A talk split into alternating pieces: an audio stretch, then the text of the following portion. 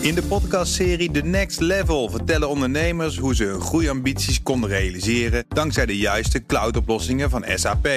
Wat waren de uitdagingen, de oplossingen en hoe ging de uiteindelijke implementatie? Benieuwd naar hun verhalen en hoe zij met behulp van SAP ook hun toekomstige ambities kunnen behalen? Luister de podcast The Next Level via de BNR-app of je favoriete podcast-app.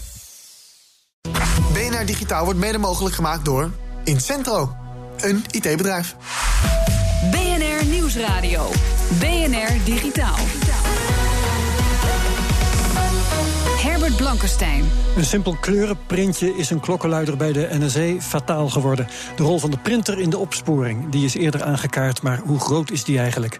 Dat zometeen. En ook ASML had niet één Steve Jobs, maar wel drie achter elkaar. Wie dat dan zijn, dat hoort u zo. Mijn backup vandaag is Wout Funnekotter, hoofdredacteur van Tweakers. Hartelijk welkom. Goedemiddag. En we beginnen met het technieuws. Daarvoor is hier Karin Baks. Hoi Karin. Um, er zitten mogelijk weer blokkades voor de Pirate Bay aan te komen. Ja, het Europese Hof van Justitie heeft uitspraak gedaan en Pirate Bay illegaal verklaard. Uh, en hierdoor hangt dus weer een nieuwe blokkade in de lucht uh, voor de site. Het was een zaak die door Brein is uh, aangespannen toen het tijd, hè, ja. tegen de providers Ziggo en XS for All. En rechters bepaalden dat Pirate Bay met zijn dienst dus inbreuk maakt op de auteursrechten. Ja, en wat is dan van de rechter de argumentatie precies? Nou, het Hof vindt dat de site een essentiële rol speelt bij het aanbieden van beschermd materiaal. Hoewel ze dus niet zelf illegaal materiaal uploaden, kunnen ze wel aansprakelijk worden gesteld voor de inbreuk maken op auteursrechten. Mm -hmm. En relevant daarbij is dat de beheerders van de site dus bewust volgens uh, de rechten illegaal materiaal aanbieden en daar ook geld mee verdienen door reclameinkomsten. Ja, ja. het is een zaak overigens die al jaren loopt hè, tegen Pirate Bay. Oorspronkelijk moesten de providers de site blokkeren, maar ze gingen daartegen in beroep. En hier ja. ging Brein toen weer tegenin en die stapte dus naar het Europese van, Hof van Justitie toe. Wel benieuwd welke concrete ge gevolgen dit nu gaat krijgen. Ja, nou, we hebben Wout Funnekotter bij de hand. Uh, heb jij enig idee uh, of we nu die blokkade weer terugkrijgen bijvoorbeeld? Nou, Brein heeft in ieder geval een reactie, uh, in een reactie kennis gegeven dat ze dit wel zien als een, een handvat ja, om weer uh, die blokkade uh, aan te gaan vragen eigenlijk bij, mm -hmm. bij de rechter. Uh, XS Vooral heeft ook alweer een reactie bijvoorbeeld gegeven. En die zegt van ja, weet je, als je zo'n blokkade doet, dan blokkeer je ook gewoon legale content die op zo'n ja. site staat. Dus de mensen, de partijen zijn er niet echt dichter bij elkaar gekomen. Maar het geeft wel juridisch gezien, geeft het brein wel weer de spreekwoordelijke stok om mee te slaan. Ja, ja dat wordt dus spannend. Oké, okay, Karin, volgende verhaal. Uh, New York Times kan weer orde houden in de reacties op online artikelen, want ze laten nu Google alles controleren. Ja, de krant heeft inderdaad de, de functie van editor, iemand die alle reacties online op artikelen filterde, geschrapt. En vervangen door een automatische dienst van Google. Uh, de New York Times wil uh, voor, hiervoor meer verhalen de optie om online te kunnen reageren toevoegen. en daarom Google gevraagd om dit te gaan managen. De krant wil hiermee de lezers veel beter bedienen zeggen ze, en beter horen en laten reageren op artikelen. Ja, en het geldt een hoop mensen natuurlijk. Uh, Wout, hebben jullie uh, bij Tweakers dat probleem ook van uh, de reacties managen? Ja, we hebben een hele actieve community, maar bij ons is het een soort zelfregulerend geheel. Dus je hebt een aantal mensen die heel veel op tweakers komen, die krijgen dan de rechten om bepaalde comments uh, op min 1 te zetten, plus 1, plus 3, dat soort zaken. En dan komen eigenlijk vanzelf komen dan de meest inhoudelijke ja, comments komen dan boven last van uh, scheldende en, en uh, andere. Dat staat binnen 10 minuutjes staat het op min 1 en dan verdwijnt het. Juist, ja, ja, ja. Maar zouden jullie een machine met kunstmatige intelligentie dat willen laten doen? Ik denk dat je daarbij misschien wel het kaf en het koren kan scheiden van de echte internet-trolls. Ja. Mensen die schelden en zo. Maar als je een reactie op inhoud en kwaliteit wil beoordelen. dan denk ik dat je nog even een mens nodig hebt op dit moment. Ja, nou, we blijven de New York Times wat dat betreft volgen. Karin, in elk geval, dankjewel voor deze berichten. BNR Nieuwsradio. BNR Digitaal. Klokkenluider Reality Winner, hoe hebben die ouders die naam verzonnen, speelde NSA-documenten door aan nieuwsite The Intercept. Maar ze werd opgespoord aan de hand van een simpel kleurenprintje. Hoe werkt die rol van de printer als opsporingsmiddel ook weer? De techniek is niet nieuw, maar opeens wel weer relevant. We spreken daarover met hacker Ricky Gevers, die werkt bij cybersecurity bedrijf Red Sox. Hij is naast hackeradviseur, daarnaast ben je hackadviseur voor verschillende bedrijven. Uh, ik geef eerst eventjes, voor ik jouw vragen stel, Ricky, het woord aan Rob Gongrijp, ook hacker en medeoprichter van internetprovider Access for All. Veel mensen weten niet dat elke kleurenprinter van dit moment, elke moderne kleurenprinter, print zijn serienummer op, op elk lichter stukje papier. Als jij een vierkante centimeter hebt van een, van een modern kleurenprinter geprint papiertje, dan zit er op die vierkante centimeter het serienummer van die printer. Onzichtbaar. Onzichtbaar, in gele stipjes uh, gedrukt. Um, dat betekent dat je met elk stukje geprint papier wat je, wat je in handen hebt, uh, terug kunt naar de eigenaar van die printer. En de KLPD uh, zegt ook al van dat gebruiken wij dankbaar om mensen op te sporen die een stukje papier geprint hebben. En dat was een fragment uit een documentaire Iedereen op internet uit 2006. Elf jaar geleden. Toen werd dat fenomeen dus al aangekaart. Ricky, is dit nou die reality winner? Is dat het eerste geval van iemand die hierdoor feitelijk wordt gepakt? Uh, het is de eerste klokkenluider die hiermee gepakt wordt. De eerste bekende persoon in ieder geval waarvan we zeker weten dat deze persoon op die manier opgespoord is. Ja, want Rob Grongrijp die zegt de KLPD, het zegt hij in 2006 dus, hè? Ja. de KLPD is er al uh, lekker actief mee bezig, dus het gebeurt vaker. Ja, het wordt in de praktijk veel gebruikt, ja. ja. En hoe werkt het nou precies? Uh, Rob vertelt over uh, um, gele stipjes die worden gezet. Wat voor informatie vinden we daarin? Het serienummer van de printer. Meer is het niet. Dus je weet dan het merk. En via uh, het bedrijf, dus een HP bijvoorbeeld, weten ze, of kunnen ze er dan achterkomen waar, in welke locatie of welke, uh, via welk bedrijf die printer verkocht is. En via dat bedrijf kunnen ze dan weer de persoon die die printer gekocht heeft. Ja, en waarschijnlijk heeft een NRC dat allemaal zelf wel geadministreerd. Dus die weten waarschijnlijk meteen al op welke afdeling serienummer X uh, terug te vinden is. Ja, dat durf ik niet te zeggen. Maar dit komt voort uit waarschijnlijk uh, geheime verdragen die, die gesloten zijn met de printerfabrikanten. Ja. Tussen overheid en printerfabrikanten? Ja, waarschijnlijk wel. Ja, ja want, ze doen het allemaal, hè? Ja, alle kleurenprinters, voor zover we weten in ieder geval, zo goed als alle kleurenprinters, die hebben dit. Dus ook de printer die jij en ik thuis hebben staan, ja. Die doet dat. En het is onzichtbaar, dus we zien het niet. Dus we zijn ons er niet bewust van dat het aanwezig is. Ja, maar um, is eigenlijk wel bekend, daar zit ik er zelf even persoonlijk diep over na te denken nu. Um, dat uh, de printer die ik thuis heb staan, dat serienummer, dat het inderdaad bij mij staat. Want ik meen niet dat ik dat aan iemand heb doorgegeven. Nou, je hebt hem ergens gekocht bij een winkel. En dat winkel, daar wordt dat serienummer gewoon geregistreerd.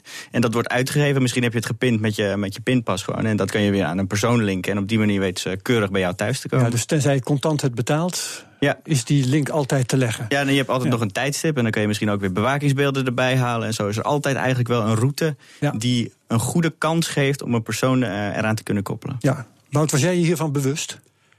Ja, maar ik nou, moet heel eerlijk zeggen dat het compleet ja, weggezakt was. Ja, hij zat net iets te lang, precies. Nee, precies, maar het is echt zoiets waarvan ja. wat, wat we zelf zeggen dat het al halverwege het jaar 2000 al bekend was. Maar ik denk dat het daarna ook gewoon heel veel mensen weer naar de achtergrond uh, gedreven is. Ja, ja, ja. En ik herinner me, Ricky, dat uh, ook in 2004 uh, werd daar vanuit de kringen van privacybeschermers schande van gesproken. Um, ja, als je bij de overheid zit, dan zeg je op een moment als dit natuurlijk: hé, hey, maar hier was het precies voor bedoeld. We hebben hier een wetsovertreder. En die is gewoon dankzij deze techniek gepakt. Prima. Ja, nou, ik denk niet dat het exact bedoeld is om klokkenluiders mee te arresteren, maar voornamelijk. Wat het, je verhaal, vaak... het verhaal gaat dat het is om vervalsing van bankbiljetten te voorkomen. Ja. Geloof jij dat? Ja, daar durf ik niks over te zeggen. Maar nee. Wat de beweegredenen waren van de overheid. Nee, maar um, misschien moet ik het zo vragen. Uh, hoe valt voor jou die afweging uit? Het heeft dus privacy nadelen. Maar ja, tegen bestrijding van criminaliteit zijn we uiteindelijk allemaal. Ja, dit, dit is met name voor de opsporing is dit een uitermate handig middel om uh, als forensisch bewijs in ieder geval te dienen om een zaak rond te krijgen. Dus het is een hele goede tip in feite aan een, een politieagent om een zaak, uh, om voortgang te boeken binnen een zaak. Dus daar is het echt een heel handig hulpmiddel voor. En tegelijkertijd is het natuurlijk niet, tenminste zo ervaar ik het, uh, niet bedoeld om klokkenluiders op te pakken. Nee, nee. Um, maar zo wordt het nu wel ingezet. Ja, ja, ja. ja. De, de hamvraag wordt dan, zijn klokkenluiders misdadigers, ja of nee? Hè? Dat hangt ja. waarschijnlijk ook af van welke klok ze luiden, bijvoorbeeld. Dat is heel ingewikkeld. Ja. Gaan we het nou maar niet over hebben. Aan de ene kant, heel snel zeg je, het is een supergoed middel. Terwijl de oplossing nog te eenvoudig voor woorden is. Ik bedoel, ja. als je even snel nadenkt, dan heb je helemaal geen last van, toch? Ja, het is een heel goed hulpmiddel. En zo goed als bijna iedereen vergeet dit eigenlijk. En dat is hoe het eigenlijk uh, dat ingezet wordt. misschien ook. Want eventjes ja. voor de mensen die niet helemaal... Het gaat om kleurenprinters. Ja, dus als je zwart-wit print, is er niks aan de hand. Exact, ja moet je de, de kleurentankjes misschien gewoon even uit je printer slopen. Ja, Als je een beroepsklokkenluider bent, dan, uh, dan kun je het in die richting printen. Dat is wel een nuttige tip trouwens. Waar wordt het in de praktijk nou het meest voor ingezet? Waar, waar, in wat voor zaken vind je dit? Ja, ik ben zelf niet bekend met heel veel zaken, maar een aantal zaken waarvan ik weet is uh, bijvoorbeeld een keer stalking, waarbij dat gebruikt is. Dus een persoon die naar een gemeente continu brief aan het, dreigbrief aan het sturen was. En uh, via die printer hebben ze uiteindelijk deze persoon weten uh, te pakken. En dat was een hele serieuze zaak destijds, want die persoon dreigde ook echt. ik geloof dat hij het gemeentehuis wilde op, opblazen en dat ook echt van plan was, hm. daadwerkelijk. Dus nou, dat is een heel goed voorbeeld in ieder geval waarbij dat succesvol ingezet werd. Ja. En ja, de politie zelf zal onge, ongetwijfeld heel veel zaken hiermee op oplossen. En dat zullen ze ook niet altijd direct uh, aan de grote klok hangen natuurlijk. Nee, omdat nee. het ook een beetje een geheim wapen is. En zeker niet aan jou. Um, uh, van wie is dit nu de grootste blunder? Uh, die mevrouw die nu gepakt is, die is 25. Dus die was, heb ik uitgerekend, 12 toen voor het eerst het nieuws van deze techniek de wereld in kwam. Uh, die Intercept is een site, die hebben die documenten in ontvangst genomen en online gezet. Wie is nou het stomst geweest? Uh, beide zijn alle twee super stom geweest. Aha. Je kan van zo'n dame van 25 jaar die voor de NSC werkt, kun je wellicht verwachten dat ze weet dat dit mogelijk is. Ja, eigenlijk wel, hè? Ja, ja ik denk dat binnen de, de wat hogere tech in ieder geval is dit echt wel een algemeen uh, bekend probleem. Misschien dat het een beetje naar de achtergrond gezakt is. En misschien ja. dat zij, want ze is nog redelijk jong, dat ze daardoor dit enigszins uh, gemist kan hebben. Maar aan de andere kant vind ik, als je kijkt naar de Intercept, die hebben echt hele goede techneuten in dienst. Die hebben ook met name omdat ze, zijn natuurlijk groot geworden met Edward Snowden. Uh, ze, ze richten zich wat meer op die kant ook. Dus de, de techniek, het internet in feite. En uh, wat wilde ik ook weer zeggen? Uh, Wie was er het domst van de twee? Oh ja, dat, daar ging ja. het over. Nou, bij, bij die internet zie je dan hetzelfde. Uh, als die, die jongens hebben dus echt extreem goede techneuten in dienst. Ja. En het lukt ze dan blijkbaar niet om dit tegen te gaan. En ik vind persoonlijk dat je als journalist absoluut de verplichting hebt om jouw bronnen te beschermen. En ook jouw bronnen tegen naïviteit. Dus als ja. zo'n zo'n klokluider, want dat doet ze eenmalig ook. Kijk, een journalist is dag en nacht met, met deze taak het, bezig. Ja. En een journalist zou dit vooral moeten weten. En zijn bron hiervoor moeten kunnen tegen daartegen kunnen beschermen. Dat ja. zie je dat het hier niet gebeurd is. En dat vind ik echt wel kwalijk. Ja, en, en, je kan mij echt niet wijsmaken dat de techneuten die daar werken bij die Intercept, dat die dit niet weten. Dus dat vertelt mij gewoon dat deze techneuten niet geraadpleegd zijn bij de publicatie van dit bericht. Ja, en als je het uh, advies print in zwart-wit nu even vertaalt naar die situatie hè, van, van het medium dat publiceert, dan moet je zeggen als je documenten binnenkrijgt, scan ze in zwart-wit. Want ja, dat in zou een optie zijn. online stonden die stipjes ook. Ja, zelf zou ik altijd kiezen voor om het document uh, zelf over te typen, bijvoorbeeld, zodat je je eigen versie in feite daarvan maakt. Ja, maar het gaat zijn- om gigabytes. Hè, dan, uh, Ja, nou, in dit, in dit geval was het één sheetje, meer was het niet. En uh, daar ging het over. Dankjewel, Rick Gevers. Ricky Gevers moet ik zeggen, voormalig hacker en nu werkzaam bij cybersecurity bedrijf Red Sox. Zometeen de geschiedenis van bekende geluiden uit videogames. BNR Nieuwsradio. BNR Digitaal. Het geluid in computerspellen is tegenwoordig net zo geavanceerd als in films. Maar voordat het zo klonk als het nu doet, heeft het een hele ontwikkeling doorgemaakt. Zo ontdekte redacteur Karen Baks. Herken je hem al? Het is Pong, het allereerste computerspel. Uit 1972 alweer. Uit de tijd dat de programmeurs de geluidjes nog bedachten. Eén simpel toontje, wat mensen waarschijnlijk duizenden keren hebben gehoord. Oké, okay, er moest wat meer variatie in komen.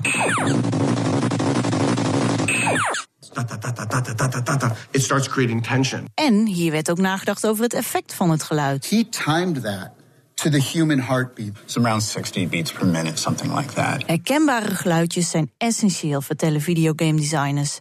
Ze leggen de psychologie achter de videogames bloot. What these sounds do is give presence. They start giving the characters a voice. Bijvoorbeeld. Finish him. This is like government burning books and, and you know, showing Elvis from the waist up. This is like the video game equivalent of that. It gets the testosterone going. It's battle. It's Mortal Kombat. Oké, okay, dat is duidelijk.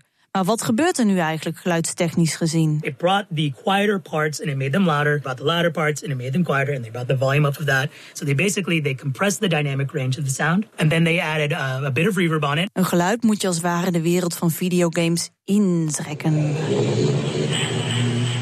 That is clearly the linking sound from Myst. There's nothing better in the game than finding a new linking book. Sampled sound effects, all made with traditional recording techniques. Het knutselen met verschillende geluidseffecten is in de wereld van televisie en films van alle dag, maar is nu dus ook standaard voor videogames. En de makers worden er heel creatief van. Oh. Dit is bijvoorbeeld de stem van de game designer zelf. Tja, je probeert van alles uit om maar dat gewenste nieuwe geluid te maken. Oké, okay, nog een laatste tip dan. When you try to create sounds for things that don't really exist, I think the best thing you can do is try to figure out the intention of it first. Aan de slag maar.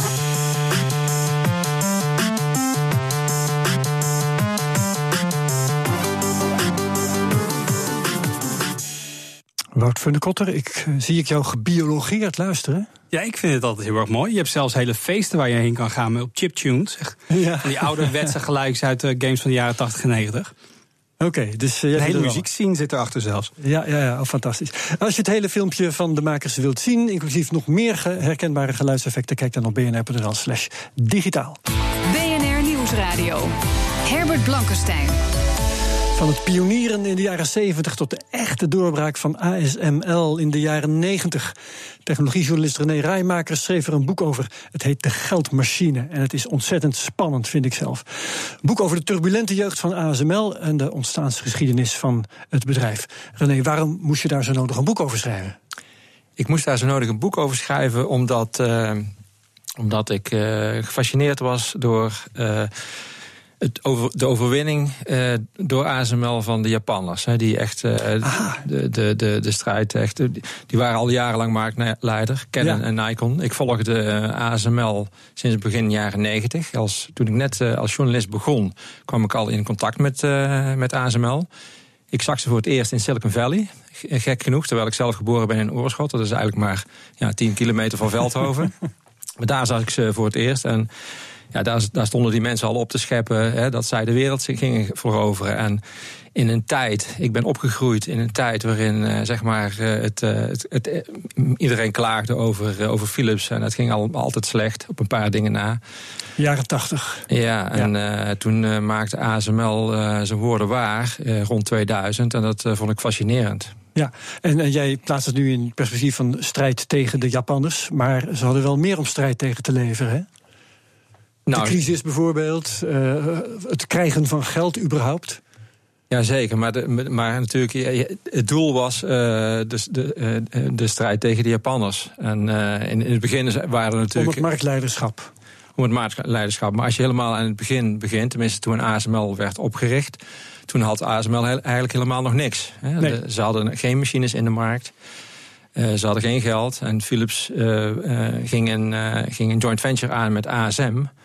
Maar, um, maar uh, er was eigenlijk helemaal niks. En de man ja. die, uh, die daar de leiding kreeg, die, uh, die was eigenlijk ook. die wist eigenlijk ook helemaal niet waar hij aan begon. Ja. Wouter, ken jij het verhaal van ASML? hoe het bedrijf jarenlang aan een zijde draadje hing? Uh, ik weet wel dat ze het op een gegeven moment echt heel zwaar hebben gehad. En dat ze een enorme rebound gemaakt hebben. Maar ik moet voor mij ook het boek nog lezen, hoor ik zo. Maar ze hebben verschillende keren heel zwaar gehad. Hè? En ja. De eerste tien jaar was natuurlijk een, een, een, een grote strijd. Ja, precies. Um, en het was ook eigenlijk meer geluk dan wijsheid dat ze er uiteindelijk uit zijn gekomen. Hè? Nou, meer geluk dan wijsheid. Uh, toen, toen Gjalt Smit als eerste directeur uh, daar kwam. Uh, kreeg hij te horen dat, dat, hij, dat, dat hij gewoon de deuren maar moest sluiten. Dat was het beste. Hij ging naar Silicon ja. Valley. En zijn klanten die zeiden tegen hem van sluit de deuren maar, want we hebben niks van je nodig. De, uh, toen was Nikon, leverde al honderden machines uh, per jaar. Ook GCA, dat was de marktleider, honderden machines per jaar. Ja. En ASML had geen machines in de markt. En ze hadden een stepper op dat moment. Hè, dat is zo'n machine die chips uh, maakt. Uh, en, en, ze hadden maar één machine bij IBM staan. En verder hadden ze niks. En, ze hadden, ja, en die werkte nog niet eens goed ook, hè? Die werkte niet eens goed. En ze ja. hadden een stuk of tien, uh, of meer dan tien, nog in de werkplaats staan. Die hadden ze nog niet aan, aan, de gang. Maar ze, hadden eigenlijk, ze hadden dus eigenlijk helemaal niks. Ja, maar een van de factoren, paradoxaal genoeg, die ze heeft, heeft gered, als ik jouw boek goed begrijp, is dat de crisis uitbrak en niet ASML de das omdeed, maar de Japanners. Nou, uh, uh, Nikon was op dat moment zeer sterk. De, de, degene die de, de das om werd gedaan, dat was GCA. Dat was de Amerikaanse marktleider. Nikon is een, in okay, een paar ja, jaar ja, ja, Is ineens opgekomen. En dat kwam omdat Nikon veel betere kwaliteit leverde dan de Amerikanen. En toen, uh, eigenlijk was die markt al, al, al betrokken door gevestigde partijen, Nikon en GCA. Toen is die markt, hele markt onderuit gegaan. En GCA heeft toen het onderspit gedolven tegen Nikon. En ASML, kijk, als, als er geen crisis was geweest, dan hadden beide waarschijnlijk doorgegroeid in machines. En had ASML totaal geen kans gehad om erbij te komen. waarom niet? Omdat ze uh, in 84 moest er een nieuwe machine komen. En ASML heeft dus de tijd gehad door de crisis om een nieuwe machine te ontwikkelen. En hoe hebben ze dan uiteindelijk de Japanners eronder gekregen? Nou, de Japanners hebben ze pas na, na heel lange tijd uh, eronder gekregen. Want daar hebben ze toch wel een, een jaar of tien voor nodig gehad. Toen na drie jaar die machine er was, was er eigenlijk geen machine die uitblonk. Het was niet een machine die echt beter het was. Het eerste product van ASML. Het eerste product van ASML, 86 op de markt. In, in 87 en 88 nog verkocht. Dat was eigenlijk niet goed genoeg om het op te nemen tegen de Japanners. Het was gewoon een me-too-product. En eigenlijk is pas eind jaren 80 is het besluit genomen om een echt goede machine te ontwikkelen, de PAS 5500. En die is uh, heel slim bedacht door uh, uh, onder leiding van Maarten van der Brink, de huidige CTO, de, de, de technologieleider. En uh, die machine die was, uh, die was zo goed. Hè, uh, die, die was heel modulair. Hè, dus je kon hem in, in, snel in, in, en uit elkaar zetten. Mm -hmm. hè, terwijl de Japanners die hadden machines, de, daar, daar, moesten ze maanden aan sleutelen om bijvoorbeeld een lens uit te wisselen. Die van ASML, die kon heel snel, in een, in een paar dagen konden ze die lens verwisselen. Ja. Was dat dan echt ook de troefkaart? Want je zegt ze deden ze namen het besluit om echt een goede machine te maken. Maar elk bedrijf zal natuurlijk de intentie hebben om de beste machine te maken. Wat maakte dan dat verschil? Was het zo'n design-truc of waren het, hadden ze gewoon betere mensen? Nou, het, het was echt een, uh, een concept waarbij je. Uh, kijk, ASML heeft zijn, zijn, zijn, zijn leven ook te danken aan twee belangrijke uitvindingen. En dat is een uitvinding waarbij ze de wever, waarop de chips worden gemaakt, heel goed te positioneren.